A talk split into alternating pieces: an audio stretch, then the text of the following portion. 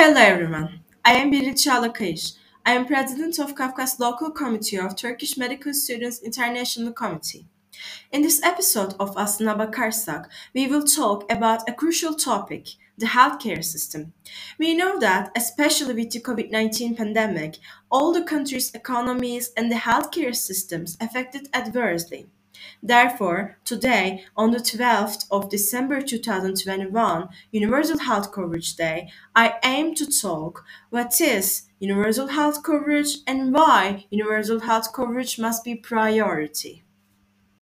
In order you to fully aware of the topic, I would like to start with some definitions. However, before that, I'm going to ask you some questions. And I want you to think your answers as yes or no. Firstly, do you believe health is a human right and that all human beings should be able to fulfill their potential in dignity and equality and in a healthy environment? Do you believe women should not die while giving birth? Do you believe children should not die from preventable diseases? Do you believe people should not be pushed into poverty for accessing health services?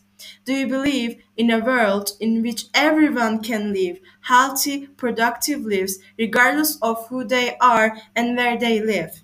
If you say yes, at least one of these questions, then you believe in universal health coverage. As I ever mentioned, I would like to start with the definitions. First of all, I am starting from the very beginning of them, which is the universal definition of health. World Health Organization definition of health as a state of complete physical, mental, and social well-being, and not merely the absence of disease or infirmity. The definition seeks to include social and economic sectors within the scope of attaining health and reaffirms health as a human right. After the universal definition of health, I would like to mention of the background the first movement which accept health as a fundamental human right. Health is declared as a fundamental human right at first in 1978 Alma-Ata Declaration. The declaration highlighted the inequality of health status between the developed and the developing countries and termed it politically, socially, and economically unacceptable. This declaration emphasized on the role of the state in providing adequate health and social measures.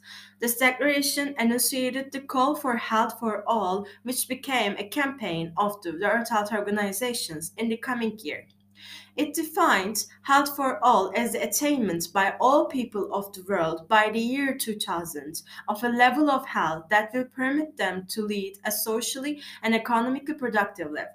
The declaration urged governments, international organizations, and the whole world community to take this up as a main social target in the spirit of social justice. In the current situation, the era of the Sustainable Development Goals has begun. United Nations committed themselves to 17 life-changing goals in 2015. These global goals, also known as the Sustainable Development Goals, include ending extreme poverty, giving people better health care, and achieving equality for women by 2030. The aim is for all countries to work together to ensure no one is left behind. Now, of course, we are focusing on uh, the SDG, which is related to health, which is SDG 3. Ensure healthy lives and promote well being for all at all ages. The SDG Declaration emphasizes that to achieve the overall health goal, we must achieve universal health coverage and access to quality healthcare. No one must be left behind. This places universal health coverage as the center of the SDG 3 health goal and SDG 3 as a contributor to and beneficiary of sustainable development goal. With linkage to all other SDGs targets, achieving SDG 3 will depend on progress in other SDGs. For example, poverty reduction, education, nutrition, gender equality, clean water and sanitation, sustainable energy, and safer cities. Definition of universal health coverage. Universal health coverage means that all people and communities can use the promotive, preventive, curative, rehabilitative, and palliative health services they need of sufficient quality to be effective, while also ensuring that the use of these services does not expose the user to financial hardship.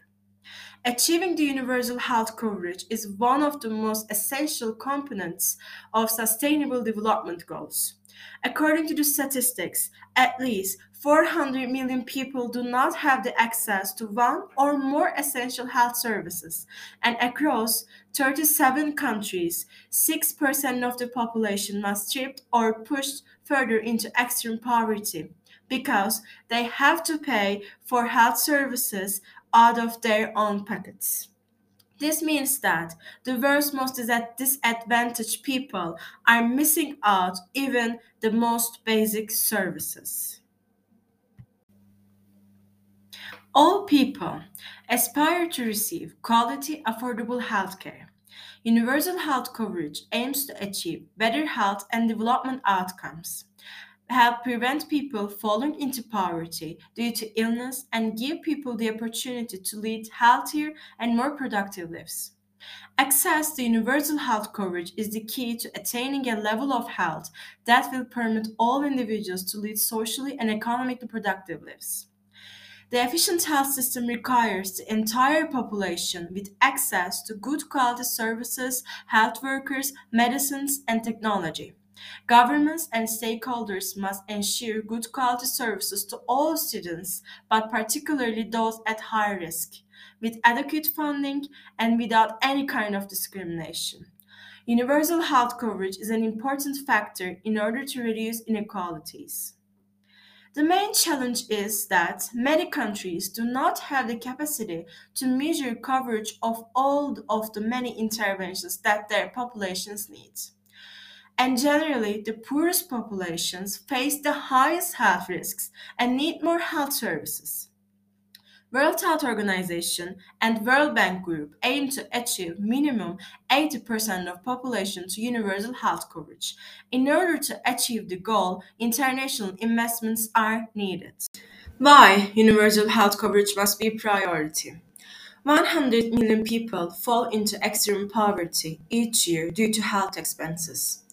800 million people spend more than 10% of household budget on healthcare. And besides of these brutal facts, I would like to mention some major issues one by one under two chapters. Child and adolescent health, maternal health, and infectious diseases. Child and adolescent health. In 2018, an estimated 6.2 million children and adolescents under the age of 15 years died mostly from preventable causes. Of these deaths, 5.3 million occurred in the first five years, with almost half of these in the first month of life. Despite determining global progress, an increasing proportion of child deaths are in sub-Saharan Africa and Southern Asia. Four out of every five deaths of children under age 5 occur in these regions. Children in sub-Saharan Africa are more than 15 times more likely to die before the age of 5 than children in high-income countries. Malnourished children, particularly those with severe acute malnutrition, have a higher risk of death from common childhood illnesses such as diarrhea, pneumonia, and malaria. Nutrition related factors contribute to about 45% of deaths in, in children under 5 years of age. Maternal health. Over 40% of all countries have fewer than 10 medical doctors per 10,000 people. Over 55% of countries have fewer than 40 nursing and midwifery personnel per uh, 10,000 people. In Eastern Asia, Northern Africa, and Southern Asia, maternal mortality has declined by around two thirds. Every day in 2017, approximately 810 women died from preventable causes related to pregnancy and childbirth. 94% of all maternal deaths occur in low and lower middle income countries. Young adolescents aged 10 to 14 face higher risk of complications and deaths as a result of pregnancy than other women. But maternal mortality ratio, the proportion of mothers that do not survive childbirth compared to those who do, in developing regions is still 14 times higher than in the developed regions. HIV, AIDS, malaria, and other diseases. 38 million people globally were living with HIV in 2019. 25.4 million people were accessing antiretroviral therapy in 2019. 1.7 million people became newly infected with HIV in 2019. 690,000 people died from AIDS related illnesses in 2019. 75.7 million people have become infected with HIV since the start of the epidemic.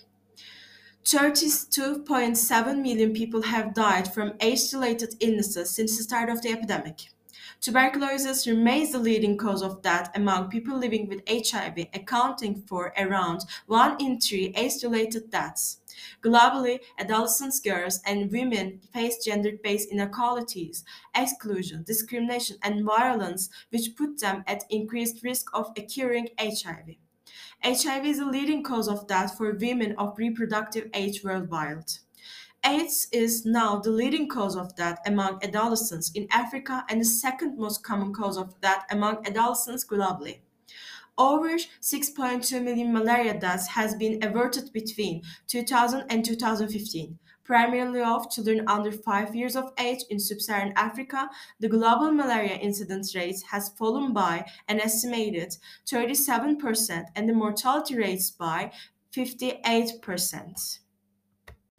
The enjoyment of the highest attainable standard of health is one of the fundamental rights of every human being, without distinction of race, religion, political belief, economic or social condition, Director General World Health Organization stated in 2017. The right to health for all people means that everyone should have access to the health services they need, when and where they need them, without suffering financial hardship. No one should get sick and die just because they are poor or because they cannot access the health services they need. And universal health coverage will provide this. The right to health also means that everyone should be entitled to control their own health and body, including having access to sexual and reproductive information and services, free from violence and discrimination. Everyone has the right to privacy and to be treated with respect and dignity. Nobody should be subjected to medical experimentation, forced medical examination, or giving treatment without informed consent. That's why World Health Organization promotes the idea of people-centered care. It is the endowment of human rights in practice of care. When people are marginalized or face stigma or discrimination, their physical and mental health suffers. Discrimination in healthcare is unacceptable and is a major barrier to development. When people are given the opportunity to be active participants in their own care instead of passive recipients, their human rights respected, the outcomes are better, and health systems become more efficient. We know that we have a long way to go until everyone, no matter who they are, where they live, or how much money they have, has access to these basic human rights the central principle of the 2030 Agenda for Sustainable Development is to ensure that no one is left behind. United Nations call on all, all countries to respect and protect human rights in health, in their laws, their health policies and programs. We must all work together to combat inequalities and discriminatory practices so that everyone can enjoy the benefits of good health, no matter their age, sex, race, religion, health status, disability, sexual orientation, gender identity, or migration status. Challenges remain. At the same time, World Bank World Health Organization research from 2019 shows that countries must increase spending on primary health care by at least 1% of their gross domestic product. If the world is too close, glaring coverage gaps, and meet the health targets agreed under the SDGs. There can be no universal health coverage without affordable quality primary health care. The research also warns that if current trends continue, up to 5 billion people will still be unable to access healthcare in 2030. In June 2019, the first ever G20 Finance and Health Ministers joint session was hosted by the Presidency of Japan. The discussion aimed to galvanize G20 countries towards the common goal and financing universal health coverage in developing countries. It was informed by a World Bank report showing that over in developing countries spend half a trillion dollars annually. Over $80 per person out of their own pockets to access health services. Such expenses hit the poor the hardest and threaten decades long progress on health. Because we are poor, we cannot afford not to have universal health coverage. As I stated at the beginning of this episode, every year on 12 December, the world celebrates International Universal Health Coverage Day. The official United Nations designated day aims to raise awareness of the need for strong, equitable, and resilient health systems and universal health coverage. Universal Health Coverage Day 2020 kept a historic year in health, defined by the worst pandemic in a century. Since the first cases were reported, COVID 19 has been an extreme stress test for the world's health systems and societies, revealing gaps and inequities that should have been addressed long before the virus struck. In some cases, momentum and resources for universal health coverage undeniable waned as leaders responded to immediate threats. In others, the crisis brought new urgency to the case for universal health coverage. With more leaders paying attention and more people rising to demand change, Against this background, Universal Health Coverage Day 2020 had one message for leaders everywhere. To end the crisis, and build a safer, healthier future, now is the time to act for health systems that protects everyone. Universal Health Coverage Day campaign 2021, the COVID-19 pandemic has exposed long ignored risks, including inadequate health systems, gaps in social and protection, and structural inequalities. If we are to pre- prevent future pandemics and achieve health and well being for all by 2030, we must prioritize equity, investing more in health, and allocating resources efficiently and equitably according to need. To that end, this year's theme will be Leave No One's Health Behind. Invest in health systems for all. A lack of access to quality, affordable health services also endangers countries' long-term economic prospects and makes them more vulnerable to pandemic risks. Without urgent action, developing countries faced with aging populations and growing burdens of non-communicable diseases will find themselves increasingly challenged to close the gap between the demand for health spending and available public resources and will prolong the reliance of out-of-pocket spending by patients and their families. Health is a human right that 400 million are waiting for. So, for this episode, uh, that's all I would like to talk. I hope that uh, this podcast will be effective to all people to be aware of our most basic rights and fight for it if it is necessary. Goodbye until we met in another chapters. Thank you so much.